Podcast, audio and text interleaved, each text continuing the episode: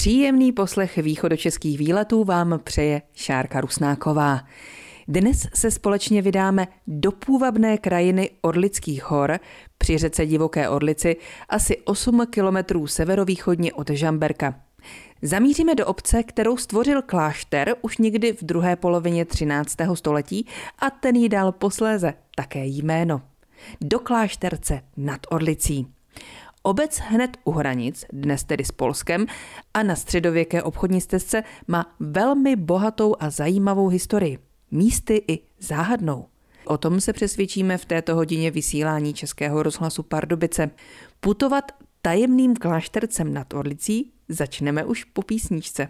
Východočeské výlety Českého rozhlasu Pardubice nás dnes zavedly do klášterce nad Orlicí a já teď budu mluvit v úvodu s paní starostkou Lenkou Ševčíkovou. Paní starostko, klášterec nad Orlicí, plete se to s jiným kláštercem například? No místním ne, ale cizím občas ano, protože je ještě klášterec jako takový a pak je klášterec nad Ohří, což je dost daleko od nás. Ale my jsme na Orlicko-Ústecku a pojďme si popsat, kde přesně se nacházíme. Klášterec nad Orlicí je v podhůří podhůří Orlických hor, 8 kilometrů od Žamberka. Je tady nádherná příroda, kterou se snažíme zachovat v každém případě. Pojďme si ještě říct tedy, jak se tady žije. No, jsem za sebe ráda, že v klášterci se čas nezastavil, přestože máme dlouhou historii, tak lidí tady přibývá. Klášterec má pět částí celkem. Hlavní je klášterec, pak máme z budov, lhotku, jedlinu a trošku vzdálenější je Čihák. A obyvatel teď máme 920. My jsme mluvili o současnosti klášterce nad Orlicí a teď se pustíme do jeho historie. A budeme o ní mluvit se zdejším kronikářem Jindřichem Kalousem starším. Můžeme začnout v roce 1227. Byli tady slavníkovci, a za vlády Přemysla Otakara II. ve zdejším kraji byly vykáceny lesy a připraveno to, aby se zde dala obdělávat eh, zemědělská půda, aby ti obyvatelé, kteří se sem přistěhují, to začalo stěhování sem, měli na čem hospodařit. No a potom už máme takovou historii zdejšího kláštera i zdejší kultury, protože podle dochovaných dokumentů klášter zde byl postaven mezi roky 1279 až 1290 takže ta historie je skutečně napsána i v různých farských dokumentech. A ještě máme takovou jednu přednost před ostatníma obcema, že tady přes klášterec vedla stará obchodní stezka z území dnešního Polska, z Klacka, směrem na Choceň a na východ. Ta cesta je dosud zachovaná, dosud se používá, můžeme se po ní i svést.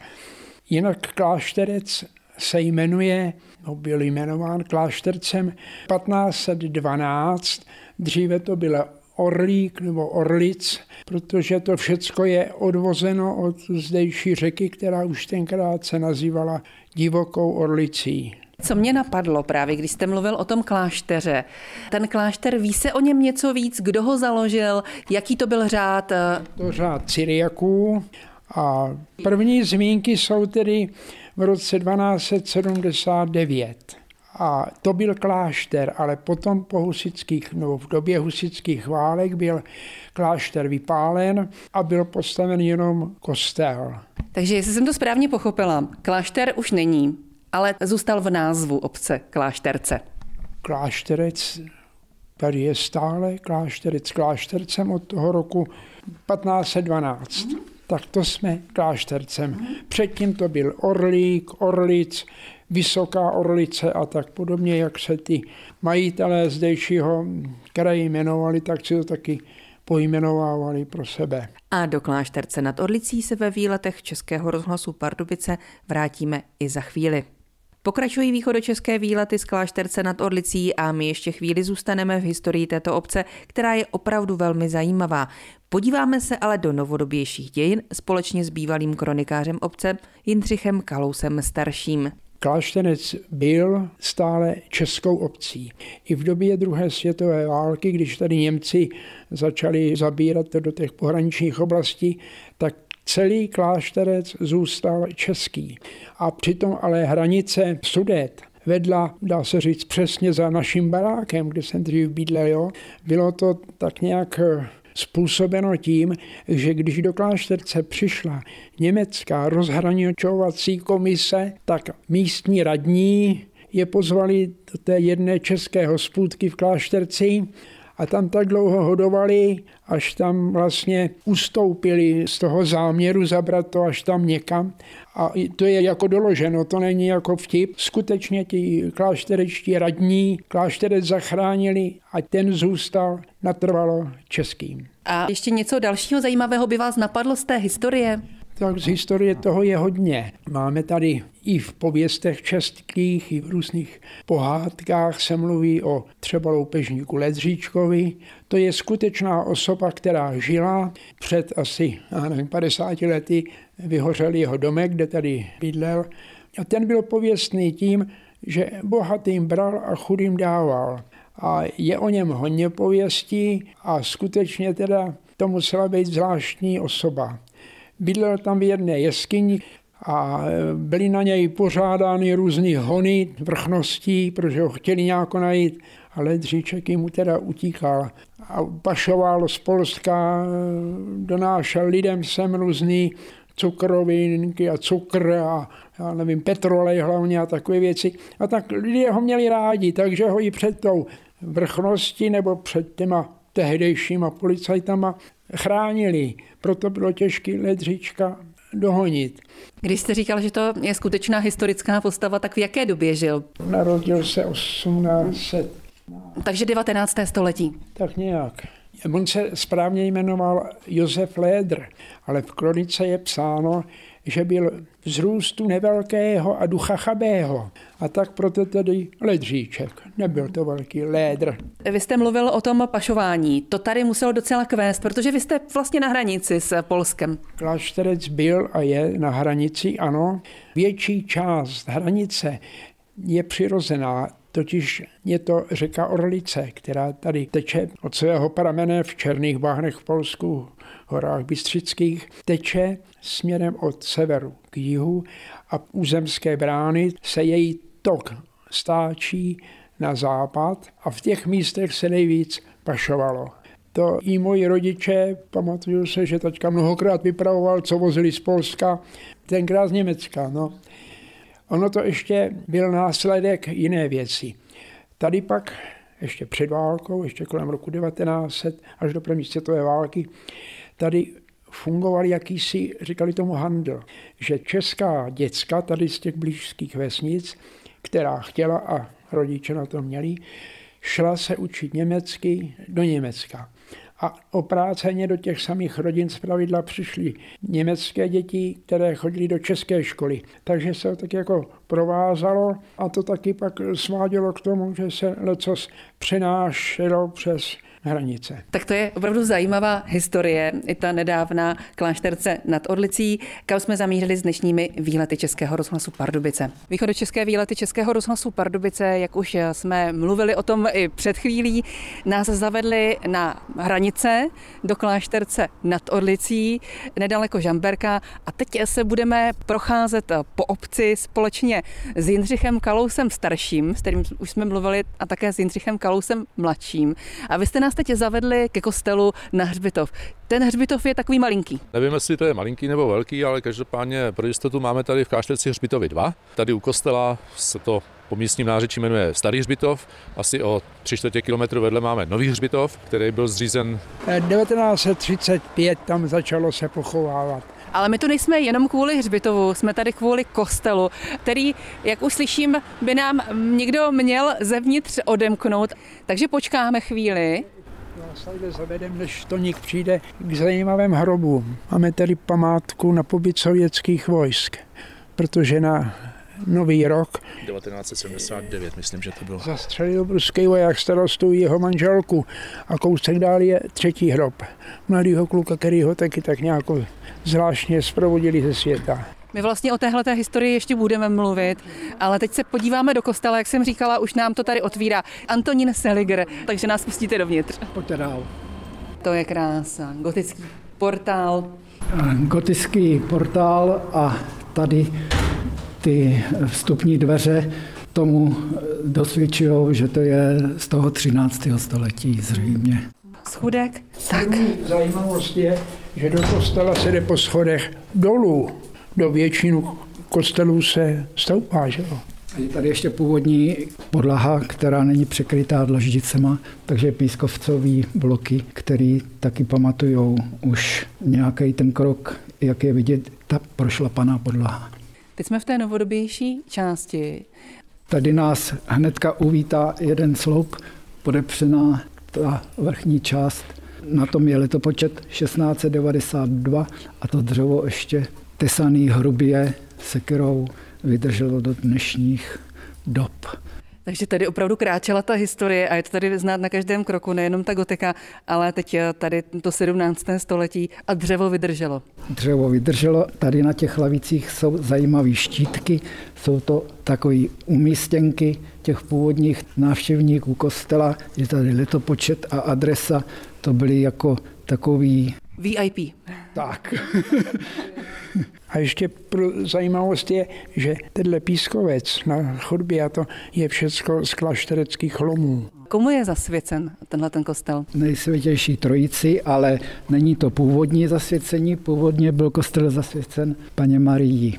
Tady určitě stojí za zmínku obraz ukřižovaného Krista od Petra Brandla.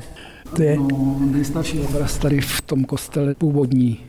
My se tady díváme na ten oltář. Ten oltářní kámen je složený ze čtyř dílů a ten nápis na tom oltáři taky už něco říká AD MCCCCL2 1452, to je letopočet nahoře, pak je žena Jan Máti má a dole jsou čtyři erby, to jsou erby tehdejších majitelů tady toho žampašského panství.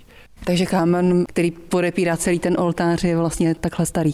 Je stojí za zmínku tamhle ten vchod. To je zazděný vchod do kláštera tady na tom hřbitově nynějším stával klášter. Takže jak jsme mluvili o tom klášterec, eh, odvozen od kláštera, který tady býval a zbylo po něm tedy vůbec něco jiného než kostel? Zbylo po něm něco, ale bohužel eh, je tam teďka hřbitov. Původně, když se tam kopaly hroby, tak se nacházely pozůstatky po základech toho kláštera a dokonce se tam našly nějaký popelnice. A do kostela v Klášterci nad Orlicí se ještě vrátíme. Pokračují výlety Českého rozhlasu Pardubice z Klášterce nad Orlicí. Jsme stále v kostele s mými dnešními průvodci Jindřichem Kalousem mladším a starším a Antonínem Selingerem. Ten klášter tady byl vlastně hlavní. Vzhledem k tomu, že tady byla ta cesta pro ty formany do Německa, tak ten klášter tady působil jako takový nějaký bod záchytný pro ty formany, že tady bylo jednak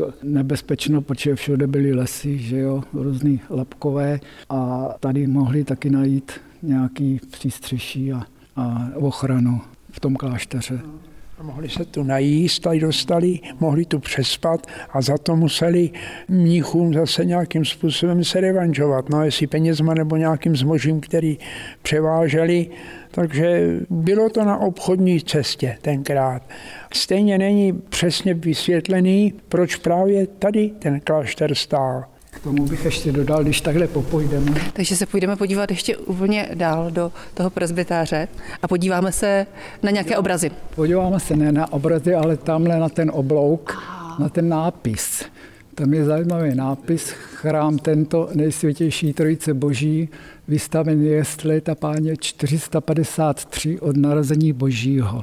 Tak chybí tam jednička nebo nechybí u toho letopočtu, protože když se podíváme nalevo, tam je nápis z bubna pána na Žemberce 1589. Tam jednička je, tady není. Tak eh, proč tam není? Můžou být dva důvody. Buď to se to zakládalo na nějaký pověstí, že tady předtím něco bylo. Nemohl tady stát kostel, ale nějaký křesťanský symbol se tady třeba zachoval na tom místě. A z pokolení na pokolení se ta tradice mohla zachovat, protože 453 to je zhruba 400 let před Cyrilem a Metodiem. Cyril a Metodij to je 863, takže nějaká pamětihodnost nějaký křesťanský symbol nebo něco takového tady mohlo být, anebo tam opravdu ta jednička chybí.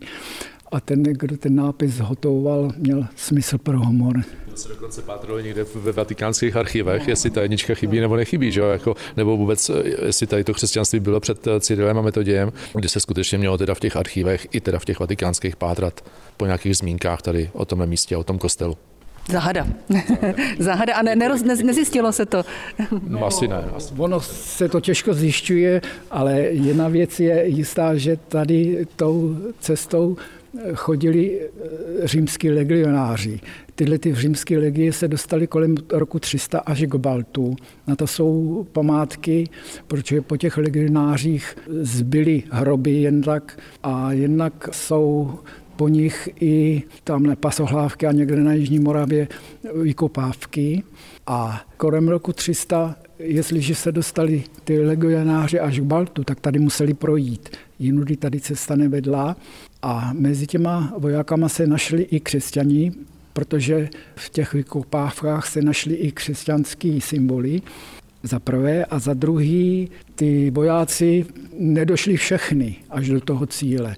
Postupně ubývali a, a mohli tady nějaký ty památky po těch vojácích zbýt v podobě nějakých křesťanských symbolů, protože pokud se zakládal klášter, tak se nezakládal na jakýmkoliv místě. To místo muselo být speciálně vybíraný.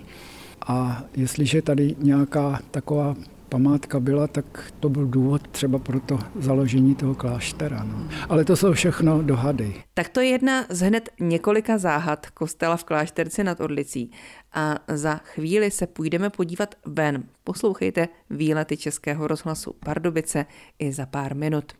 Stále posloucháte výlety z klášterce nad Orlicí. My jsme vyšli, jak jsme slibovali, ven z kostela a díváme se na něj zvenčí, tedy z té ukryté strany od hřbitova. A na fasádě vidíme takové podivné postavičky. Vypadá to trochu jako kosmonauti nebo mimozemšťané. Co to vlastně je? Vypadá to jako buď to kosmonauty nebo rytíře. Lidi mají důvod podle svého přesvědčení a názoru si pod těma podstavama představit cokoliv podobného člověku.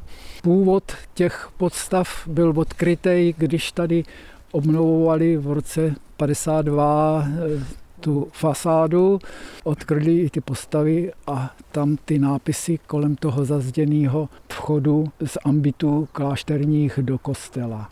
Tam se dá přečíst ještě nad tím zazděným vchodem pane Gote, za námi stůj, no, něco takového. Tam... A, a ví se, z jaké doby jsou tyhle ty obrázky i ty nápisy, protože to je evidentní, že to je jeden čas zhotoveno. Nikdo ne, nedělal žádnou... Když se otloukala omítka kostela, že se na tyhle ty obrázky tady přišlo a pak mnoho odborníků bádalo, proč tam jsou.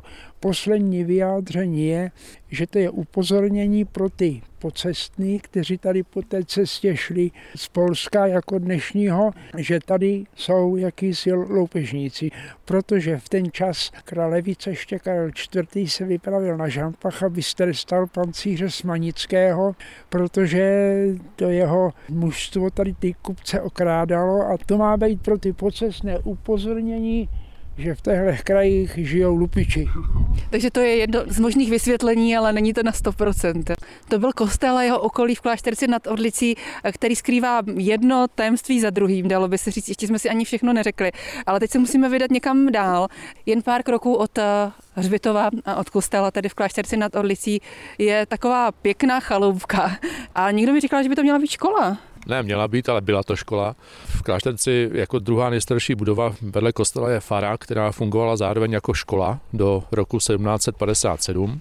Potom se z Fary udělal byt nebo bydlení pro kaplana a bylo potřeba postavit novou školu a tak se postavila nová budova těsně vedle kostela, těsně vedle Hřbitova, která v současné době vypadá a taky tak funguje jako rekreační chalupa, ale v té době toho 18. 19. století pojala až 60-70 žáků, což je v současný poměr naprosto nepředstavitelný a fungovala jako škola, jestli si dobře pamatuju, 76 let. Pak se postavila další škola na druhé straně Hřbitova za řekou, ta fungovala dalších asi 50 let a pak se postavila v roce 1883, se začala stavět další škola, která fungovala jako škola zase asi 90 roků A pak tady máme pátou budovu uprostřed vesnice, která bude slavit příští rok 100 let od svého otevření, takže my můžeme posluchače dneska už pozvat na oslavu 100 let založení školní budovy 24. června 2023, kdy uvítáme všechny školáky, kteří tady do té školy chodili a strašně se těšíme, že nás přijede nejméně 1500. A já tady vidím za tou školou řeku, to je ta divoká orlice, která jako je v názvu klášterce nad Orlicí. Bývá divoká? Jo, v současné době vypadá jako mírná, jako tichá, ale ta teda pramení někde jinde a teče někudy jinady.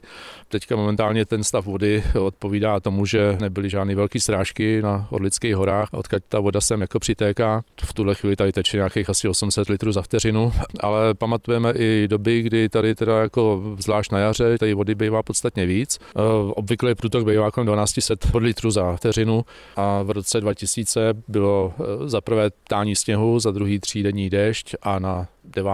března 2000 rovných tady byla 192 tisíc litrů vody za vteřinu, to znamená víc jak tisíciletá voda. Nedílnou součástí historie klášterce nad Orlicí, kam nás zavedly dnešní východočeské výlety, je také ta vojenská. Společně s Jindřichem Kalousem starším i mladším jsme zamířili do kasáren. Tato kasárna byla zahájena jejich stavba v roce 1936, protože v ten čas už se začínalo budovat opevnění hranic, ty různé bungry a tak tady byla jakási, když se to vybudovalo v krátkém čase, tedy tady byla jakási záloha vojáků pro to opevnění, co bylo v příhraničí. Těch vojáků zde původně bylo asi 300, no a pak se ten stav měnil, protože součástí toho musí být taky to technické vybavení, kuchyň, prádelna, dílna a podobně. No a když začala válka, tak museli vojáci tato kasárna opustit a byli tady německé vojska, pamatuju se na ně dobře, měli tady i svoje cvičiště, no a v roce 45 museli samozřejmě odejít a i kronikář tehdejší píše, že se ztratili jak páda nad hrncem, že v noci zmizeli a byli pryč, i když jich tady bylo několik tisíc. No a pak se majitelé nebo provozovatelé tady těch objektů tak nějak všelijak měnili a dneska to je v majetku celní zprávy. Zhruba polovina toho bývalého areálu patří pod celní zprávu. Funguje to především jako sklady eh, různého zboží a nějaký výcvikový středisko a tak podobně. A něco přes polovinu těch budov, hlavně těch, který se postavili v těch 30. letech minulého století, tak patří obecnímu úřadu nebo obci Klášterec na.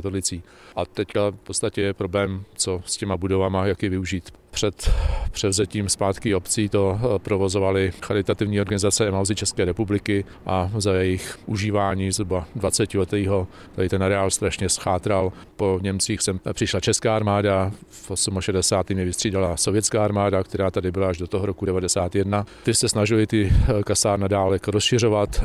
Vedle budovy, vedle které stojíme, tak je dneska výroba masných výrobků. Rusové to stavěli jako svoji jídelnu, jenom že to nestihli dodělat dělat, odešli těsně předtím, než to otevřeli. Takže ty se snažili ten areál tady různě rozšiřovat, ale pak ty MOZy nám to tady v podstatě nechali totálně zdevastovat a teďka se snažíme sehnat peníze jako obec na demolici těch budov. Jak se tady vlastně žilo s tím sovětským vojskem?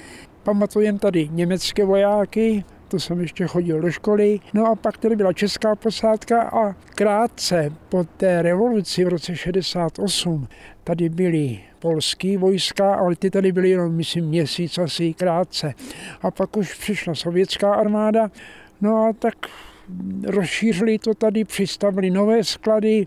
To Kolik jich tady bylo? Těžko říct, protože se pamatuju, že z kraje, když přišli, tak spali na postelích venku, měli patrové postele a říkalo se, že se tady střídají. Část vojska, že je někde na vycvičišti, část, že je na jízdách a část, že má teorii tady v kasárnech.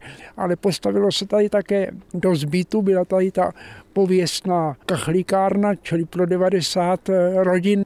A pak se tady postavili ještě dva další domy, takže odešli no a ostalo to pro užívání obce. A ještě bych k tomu chtěl říct, já jsem tam byl přebírat ještě s kolegou ty byty, když odešli, že některé byty byly skutečně daný do pořádku. Ještě i hadra před dveřmi, květiny zality, Jiné byly polepeny ve vnitřku novinama, to měly nějaké svoje techniky na to. A na některý byli, jak bouchli dveřma, tak odešli. Tak to je také součást historie Klašterce nad Orlicí, velmi zajímavé obce u Žamberka v půvabné krajině Orlických hor. Dnešní východočeské výlety pro vás připravila Šárka Rusnáková.